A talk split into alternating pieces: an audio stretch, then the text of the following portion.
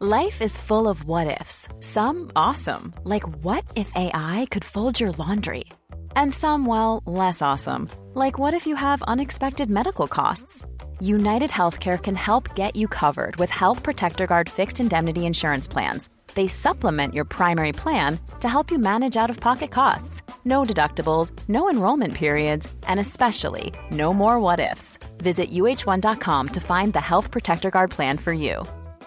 It's that time of the year. Your vacation is coming up. You can already hear the beach waves, feel the warm breeze, relax, and think about work. You really, really want it all to work out while you're away. Monday.com gives you and the team that peace of mind. When all work is on one platform and everyone's in sync, things just flow wherever you are. Tap the banner to go to Monday.com.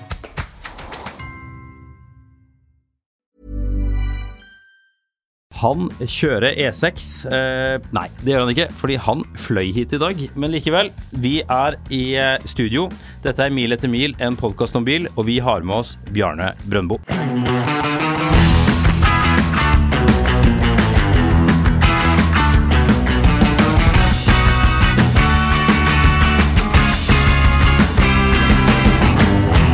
Ja, velkommen til Mil etter mil, en podkast om bil, Bjarne Brøndbo. Tusen takk. Du er eh, for veldig mange eh, kjent som eh, vokalist i DDE, men du er også bilopphugger, er det riktig?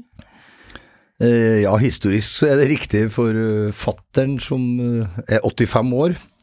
Han starta med bilinnsamling og vrakmottak og ja, i 1975.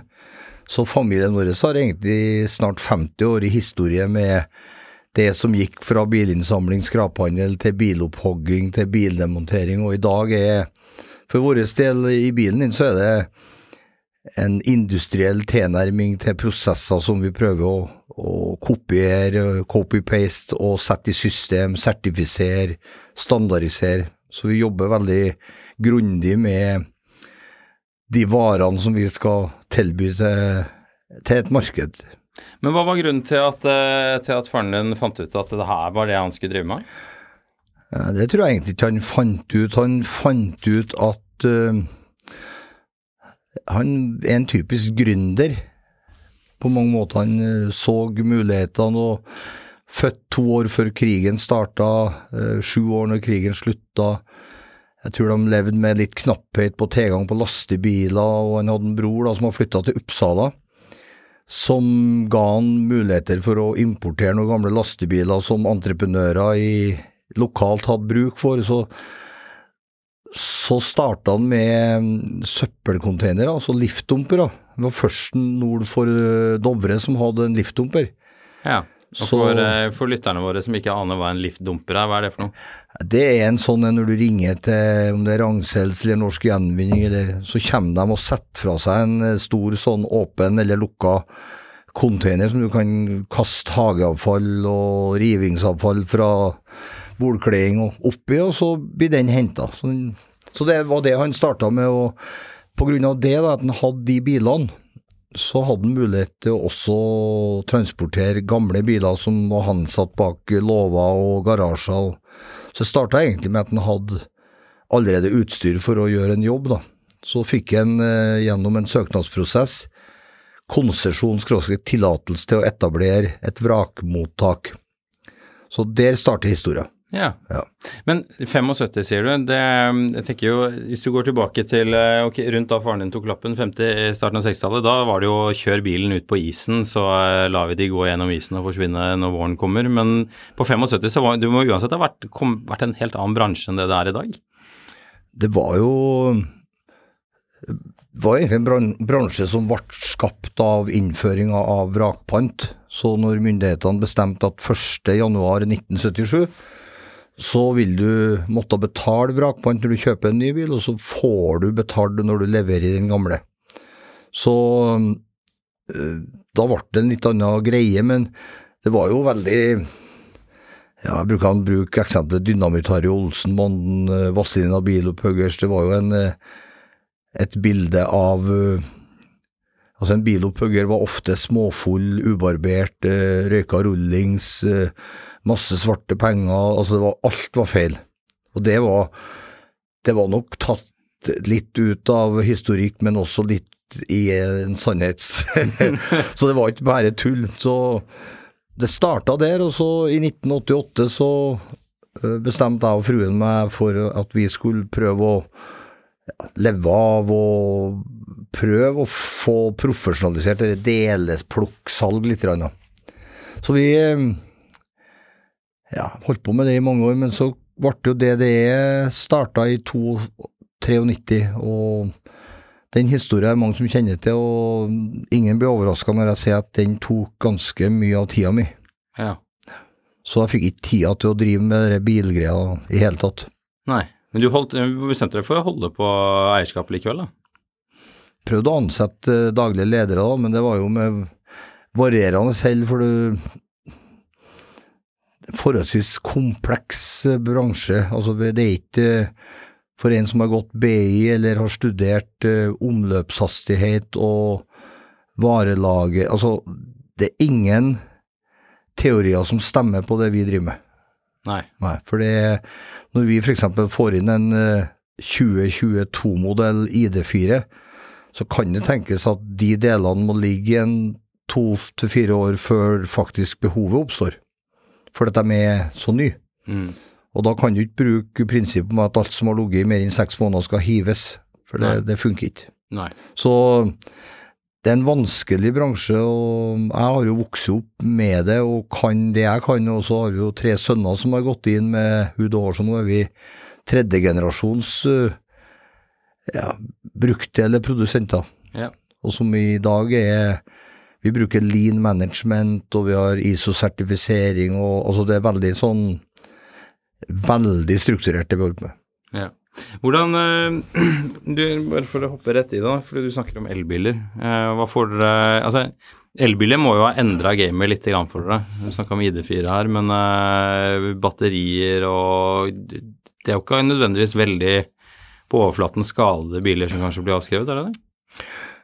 Ja, Det er jo det som er kjernevirksomheten vår, det er å kjøpe uh, skadeobjekt, altså biler som da av en eller annen grunn ikke kan repareres igjen. Det kan jo være ut ifra at skaden er så stor at det ikke er regningssvarende, eller at det er sikkerhetshensyn hvis det er en elbil. For da, hvis, det, hvis, de tror at det kan være en minste risiko for at det er en brekkasjeskade inni batteriet, så blir den kondemnert. For det er brannrisiko og bla, bla, bla. Og når du tenker ferjer og tunneler og Så er det ingen som tar den sjansen. Så vi får jo ja, jeg vil si at kanskje så mye som åtte av ti elbiler vi får inn som er ganske nye og de er kjørbare. Altså de er Det er bare å hoppe inn, start, kjøre den inn på anlegget, og, og da kan du spørre hvorfor i all verden blir den kondemnert. Men de blir jo det av sikkerhet. Så det som jeg grua meg litt for når elbilene kom, det var jo det var liksom ingen motor å selge, og det er liksom ikke noe startmotor og noe dynn Altså, det er liksom Alt er annerledes. Men vi ser jo det at uh, batteriet Verdien på batteriet erstatter noe av det som datt bort i form av girkasser og alt det som var på en uh, historisk diesel-bensindrevet bil. Pluss at uh, moderne biler i dag har jo sensorer i hytt og gevær og parkering ditt og kamera datt og i speilene og Så vi har, vi har masse greier nå som er verdt mye penger, og som koster mye til Møller og til Bertil Osten, som vi da får betalt greit for for å selge uh, brukt. Mm. Men jeg er bare litt sånn nysgjerrig. Dette blir jo, eh, for de som har skrudd på podkasten for å høre deg snakke om det, det er, det, det er litt langt unna det. Men jeg er litt sånn nysgjerrig på dette med når, når noen kommer inn med en, med en elbil med som du sier, bekasjeskade på batteriet, da er det batteriet bare å kaste i søpla, da? Eller er det, har det noe Spør du en som egentlig ikke kan en drit om batteri? Så jeg, jeg kan godt svare overbevisende, men det er ikke sikkert det er sant. Ja, okay. Nei, vi de, nesten det er utelukkende biler fra forsikringsselskapene vi kjøper inn, og da har vi avtaler om at vi overtar enten som i Røyken, det anlegget vi akkurat uh, har åpna, Eh, Da har vi merkespesifikk avtale. Da er det kun Volvo, BMW, Toyota, Lexus, Land Rover, Jaguar og Mini. Ja. Det er de eneste merkene vi opererer per i dag på i Røyken. I Namsos og der vi holder på i Midt-Norge, der har vi alle merker. Og det skyldes at der er det færre eh, Volumet er ikke så stort, så det er vanskelig å liksom velge bort noe. Du må ta total. Og det er klart at eh, de elbilene vi får inn, de er, de er prisa ut ifra en avtale eh, som ofte er knytta opp imot verdien på bilen eh, på skadetidspunktet. Mm. Så hvis bilen da var verdt 500 000 når den ble kollisjonsskadd eller bla, bla, bla, så betaler vi en prosent av den summen for det objektet, uavhengig av hvordan den er skada. Så noen ganger gjør vi veldig gode handler, og noen ganger gjør vi helt ræva handler. For at det, men det er liksom det store talls lov som skal regulere dette, sånn at totaliteten gjennom et år skal bli levelig. da. Mm. Og batteri er Per i dag så er Norge heldig stilt på det viset at vi har mye større andel elbil enn de fleste andre land i verden. Sånn at de batteriene vi får inn, de eh, kan bli eksportert til alt fra Nederland, der de blir montert som batteribank for eh, et solcelleanlegg på en husbåt. Altså det, det, det er masse forskjellige bruksområder. Så det vi eh, har fokus på, det er second life, vil si at batteriet som vi selger til noen, det blir ikke brukt i bil igjen, men det blir brukt til energilagring, til Så det er blitt en stadig større bit av virksomheten vår. Når du vokste opp eh, med det her og begynte med det sjøl osv., hva, hva Har du noen gang tenkt at oi, det her er det, dette er det synd at blir eh, kondemnert, eller tenker du nå gnir du deg i hendene og tenker at her er det mye penger å hente ved å demontere denne bilen her? Det kan faktisk være eh, både og. For vi jo ser jo noen ganger galskapen i at ja, Bruk ID4 igjen, da, som jeg kan gå rundt bilen, og så ser jeg så å si ingen skader. Og den har gått 8000 km, så tenker jeg det er jo helt gale, Mathias. Men da kan det da være hensynet til sikkerhet, altså at de, de får ikke testa om det har oppstått en eller annen feil i batteripakken. Og da, ja, Om det er forsikringsselskapet som ikke vil ta den risikoen, eller om det er bilprodusenten, jeg er usikker. Og så har du jo en del sånn eh, på Mercedes EQC, heter den. Det er en elbil. Den er laga sånn at hvis en av airbagene smeller av i en liten uh, kollisjon, da, så uh, går hovedsikringen på batteriet. Det er for å eliminere eventuelt brannrisiko. Og da sier Mercedes at når den hovedsikringen har gått, så må batteriet byttes. Og det koster 480 000. Kondemnert. Ja, men det er kondemnert, garantert. Hjelper ikke om du har kjørt på en katt, så blir den bilen kondemnert. Og det batteriet har da, som du sier, verdi i en husbåt Men batteribank? det er jo bare å putte, inn den sikringen, Ja, ja, ja. så er det jo like fint. Ja, hva er et sånt batteri verdt så i en sånn Second Nei, det, var, det varierer veldig Nå sitter jo ikke jeg fysisk og selger disse batteriene, men eh, et batteri er ofte eh, relatert til hvor stort det er, altså hvor mange kilowatt eh, er det i stand til å lagre og levere. Så et eh, stort Tesla-batteri eller kan være verdt pluss-minus 100 000. Mens et Nissan Leaf er det så mange av nå at de får vi kanskje 10-15. For dem er det altså vi får vi Bare i bilen din så får vi sikkert inn 10 Nissan Leaf i 14 dager. Altså det kommer inn Det er så mange av dem. Life is full of what ifs. Some awesome, like what if AI could fold your laundry? And some, well, less awesome, like what if you have unexpected medical costs? United Healthcare can help get you covered with Health Protector Guard fixed indemnity insurance plans. They supplement your primary plan to help you manage out of pocket costs. No deductibles, no enrollment periods, and especially no more what ifs. Visit uh1.com to find the Health Protector Guard plan for you. When you make decisions for your company, you look for the no brainers. If you have a lot of mailing to do, stamps.com is the ultimate no brainer. Use the Stamps.com mobile app to mail everything you need to keep your business running with up to 89% off USPS and UPS. Make the same no brainer decision as over 1 million other businesses with Stamps.com. Use code PROGRAM for a special offer. That's Stamps.com code PROGRAM.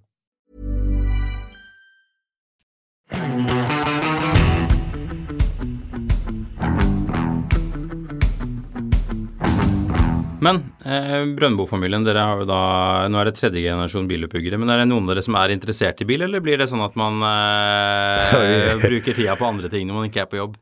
Ja, Tobias, den yngsten, er interessert i, i bil. Han er, han er sykt opptatt av sånn Porsche og sånn. Han syns det er sinnssykt artig. Vi har hatt eh, to Porsche 911 i familien, og da var det stort sett han som har brukt dem, da. Men eh, ellers er ingen av oss i hans to eldre brødre og meg og Lise Ja, vi har en fin bil, men ikke, jeg er ikke sånn at jeg er interessert i I 2015 så kjøpte jeg en BMW X4 på Bilia Skøyen. Og så etter et år så sitter vi og kjører bil, så sier Lise Vet du, Lise, det varmer varme i rattet på den. For da har jeg kommet borti med kneet da, under rattstammen, så en sånn bryter, så plutselig så oppdaga vi etter ett år at det var varme i rattet. Ja. Så jeg leser ikke noe mye om ekstrautstyr og tilbehør og Jeg er opptatt av at bilen går, og så at den er trygg og grei, og så må jeg være litt, må jeg en litt ordentlig bil, da. Mm. Men du er jo mye på veien. Ja. Men kjører du ikke selv, da? Kjører turnébuss, eller flyr du, eller hva gjør du? Det er litt forskjellig. Jeg kjører mye som siste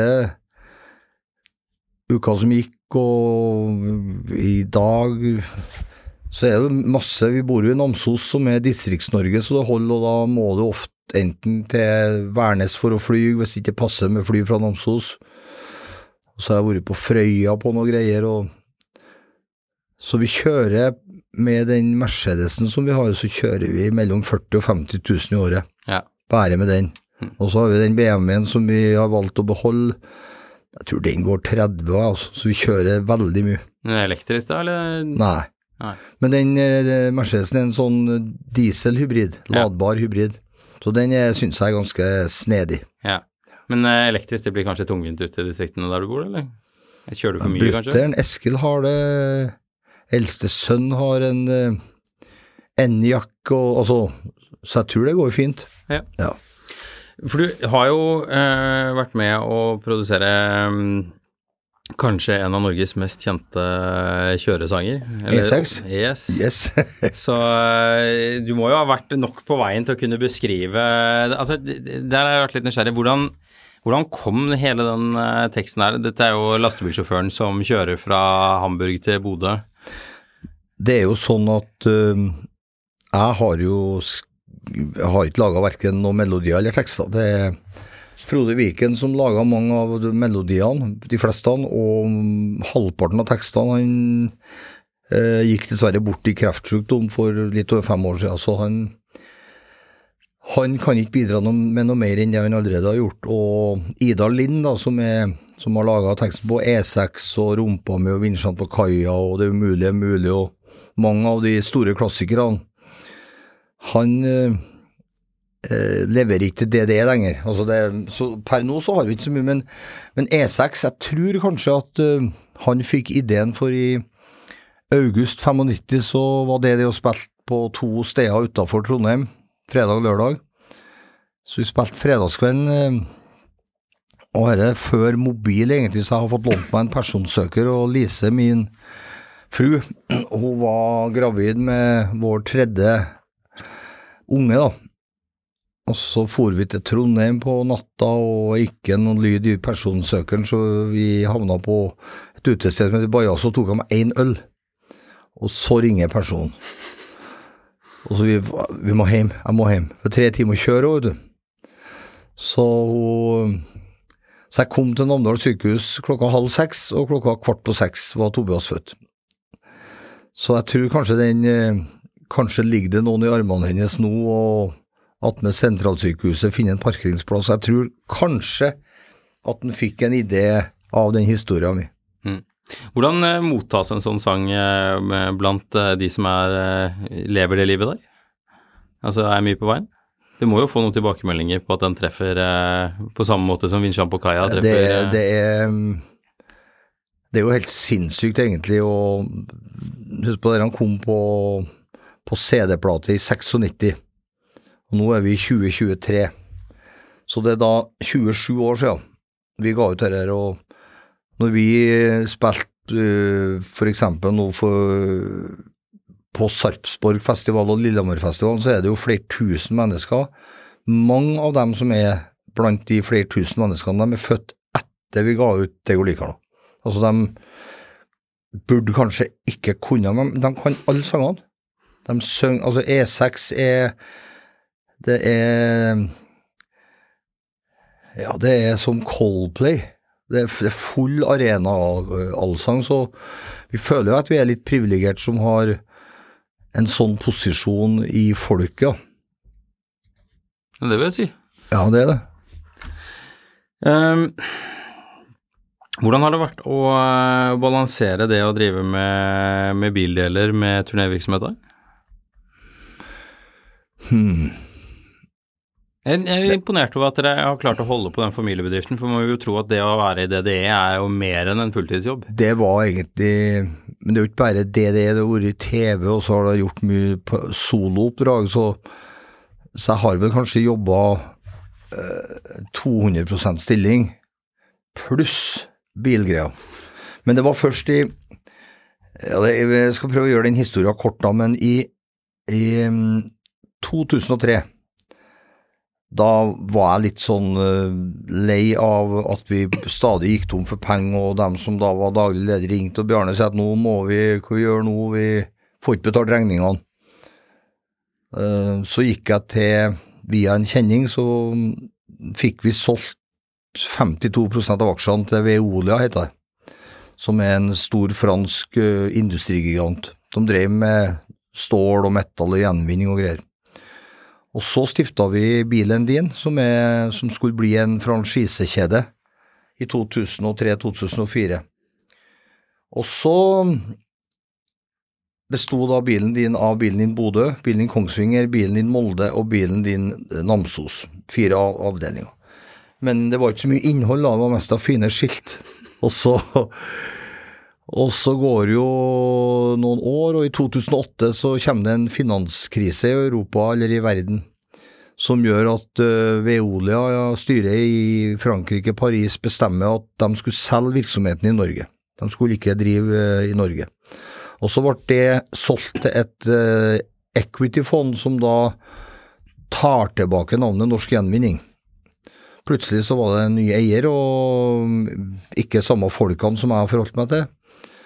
Og så går det 100 dager, så får vi beskjed om at de skulle ikke satse på brukte deler og holde på med, de skulle drive kun med gjenvinning og fraksjonene og stål og metall. Og så var vi skylder konsernet 3,8 millioner i konsernlån, for vi har jo drevet og bygd franchisekjede. Og ikke hadde vi noe penger, så fikk jeg etter mye om og men forhandla fram en avtale der vi fikk lån én million i DNB. Så fikk vi lån én million til de nye eierne gjennom at uh, det ble egentlig bare en betalingsutsettelse. Så når vi leverte uh, sånne pressa bilvrak, så fikk vi ikke noe penger før vi hadde betalt 200 000. Så det var i fem år. Så det var en million. Og så fikk vi tilbakekjøp aksjene som vi hadde solgt, for én kron. Ja. Så da plutselig satt vi og eide hele firmaet sjøl igjen. Ja. Men vi visste jo ikke om vi klarte det, for det var jo null penger og null Men så sier jeg til Lise i 2011, for da var jeg da var det helt katastrofe. Så sier jeg at det er to muligheter. Enten får vi bare la det gå til skifteretten, og så gir vi fullstendig blaffen nedi der. Så kan jeg leve jo godt av å synge sanger, liksom. Eller så kan jeg gå inn som daglig leder og skal ta meg noen få måneder, så skal jeg snu dette lett. Så ble vi enige om det i oktober 2011 at jeg gikk inn som daglig leder, og det gikk ikke mange da, dager og måneder før jeg hadde liksom ordna opp litt i hvordan vi jobba. For folk jobba, men de jobba feil. Altså, de for og sprang i alle retninger og Det er ikke noe vits å jobbe fort hvis du ikke gjør det som eh, gir resultat. Så jeg bare ordna opp. Jeg, jeg fikk strukturert arbeidshverdagen deres, så de skjønte hva vi egentlig driver med. Og når de begynte å gjøre de oppgavene, så kommer resultatene ganske med en gang. Så siden 2011 så var jeg jo daglig leder fram til 2018, når uh, alle tre guttene plutselig tok kontakt og sa at vi har bestemt oss for å begynne i familiefirmaet. Og da hadde jo ikke vi bruk for noen, for vi hadde jo besatt alle stillingene. Så det er bare å komme hjem og begynne å jobbe. Så fant vi en eh, modell da, for å ha råd til å betale lønn til dem. Så, så egentlig, eh, så historia med Bilia har sikkert ikke vært sånn, har ikke vært for de tre sønnene som har vært veldig flinke til å detaljstrukturere, få inn målbare parameter på alt. og Jeg, jeg leda etter magefølelser og ryggmargsreflekser, mens de dokumenterer alt i form av eh, KPI, altså sånne begrep som, som er litt mer moderne enn jeg var. Så, så nå vet vi mer eh, at det vi gjør faktisk er forankra i en eller annen ja, kvalitet, effektivitet. Vi måler alt mulig sånn. Men altså, hvis jeg sier Bjarne Brøndbo og DDB, så, NDD, så tenker jo folk eh, Spellemann. Men du er jo da eh, absolutt forretningsmann. Hvor er det den teften her kommer fra? Ja, det kan jo være fattern. Han var jo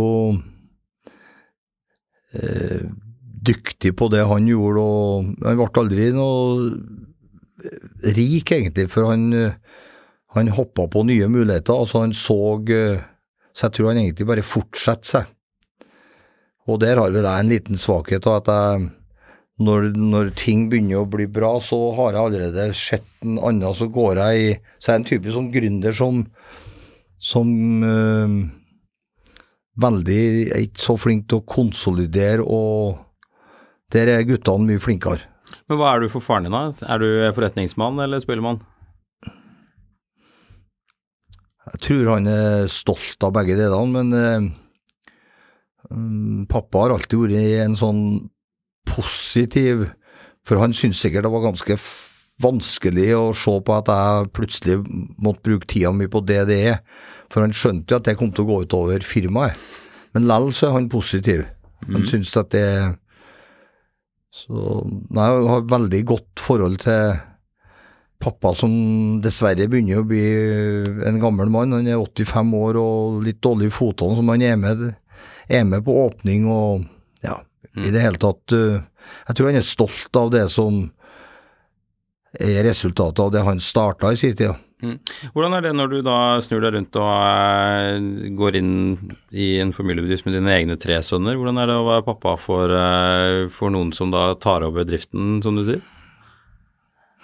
Det har nå vært egentlig både noen små konfliktsoner og diskusjoner, og så er vi uenige om noe retningsvalg også. Men en, når det har gått litt tid nå, nå har det gått fem år, liksom, så eh, er jeg ganske komfortabel med at jeg har ikke noe daglig ansvar, jeg har ingenting som jeg må gjøre. De gjør alt. Altså I en overgangsfase så var det jeg som tok med f.eks. Anders på når jeg skal møte med If skadeforsikring, eller Gjensidige, eller Men etter hvert som han da er daglig leder og kjenner de folkene som jeg har introdusert ham for, og systemene og hvordan mekanismene er, så er det ingen som ringer til meg lenger. De ringer til han, og mailene går. Så det hender at jeg ringer til Anders. Hva har du gjort i dag, da? Nei, jeg har hatt møte med Gjensidige. Og så tenkte jeg jøss, så rart at ikke jeg visste noe om. Men jeg, jeg, blir ikke involvert i alt lenger. Nei. Nei, det høres ut som en luksussituasjon. Du jobber vel ikke da 300% lenger, eller? Nei. Jeg jobber Jeg er blitt bestefar. Jeg og min fru har nå to små Ei Et barnebarn, Hedvig. Hun er oppkalt etter ugla i Harry Potter. Ja. ja det klokeste dyret i Harry Potters univers. Hun er ja, to og et halvt, og så ei som har fått navnet Agnes, som er født 15 eh, august, så hun er liksom 14 år gammel. Ja. Så har vi et tredje barnebarn på vei. Ja. Og da har vi bestemt oss for at vi skal prøve å rigge dagene som ligger fremom oss, sånn at vi, vi kan være eh, på tilbydersida og si at i morgen kan vi komme og hente og kjøre i barnehagen, eller Altså, vi gjør sånne ting, da. Ja. For jeg må ikke være Men jeg, er ganske mye på bilen din eh, på Skage utenfor Namsos, og gjerne jobba med vernesko og, og arbeidsblå klær, liksom, og er med i produksjon, tar bilder, triller jektrall og legger ting i hylla, skanner. Syns det er fryktelig artig å være liksom i lag med folket som jobber til oss. Men du er jo musiker, du er fortsatt på veien, ikke sant? Ja, ja. Um, og du, som du sier, du kjører uh, 30 000-40 000 i året. For en musiker, hva er den, som deg, hva er den beste musikken å høre på når du kjører bil? Spør du meg, og jeg skal være helt ærlig, så hører jeg på radio. Jeg, kjører, jeg spiller aldri musikk sånn Jeg kan gjøre det. Jeg kan eh, via Bluetooth-spill Eagles. Altså, det er noe som jeg syns er utrolig vakkert og bra. Eh, Men som regel så hører jeg på eksempel NRK P1, Mm. og så irriterer jeg meg over at de spiller så mye stygg musikk. Ja. Altså, men jeg hører gjerne den, den musikken jeg ikke liker, og bare for å ha variasjon, for jeg er heller ikke noe glad i sånn formatert radio der du altså Som P4 Radio Norge, du vet hva som kommer, for de spiller jo musikk for at folk ikke skal skifte kanal. Mm. Så det er litt sånn todelt. Um, Høres ut som du er på vei over på PM+.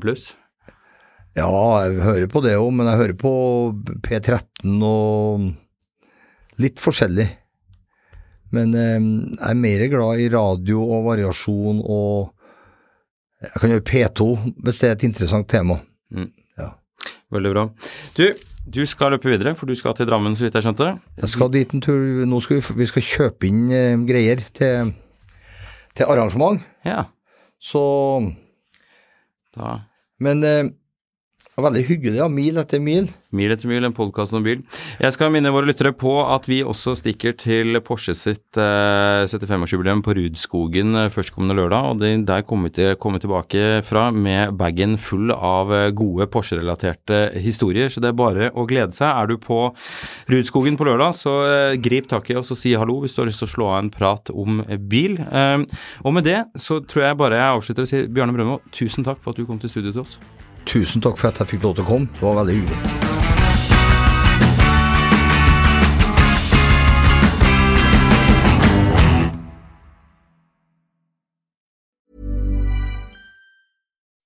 When you make decisions for your company, you look for the no brainers. If you have a lot of mailing to do, stamps.com is the ultimate no brainer. Use the stamps.com mobile app to mail everything you need to keep your business running with up to 89% off USPS and UPS. Make the same no brainer decision as over 1 million other businesses with stamps.com. Use code PROGRAM for a special offer. That's stamps.com code PROGRAM.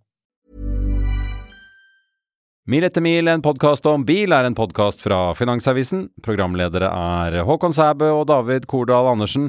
Produsent er Lars Brenden Skram. Og ansvarlig redaktør er Trygve Hegnar.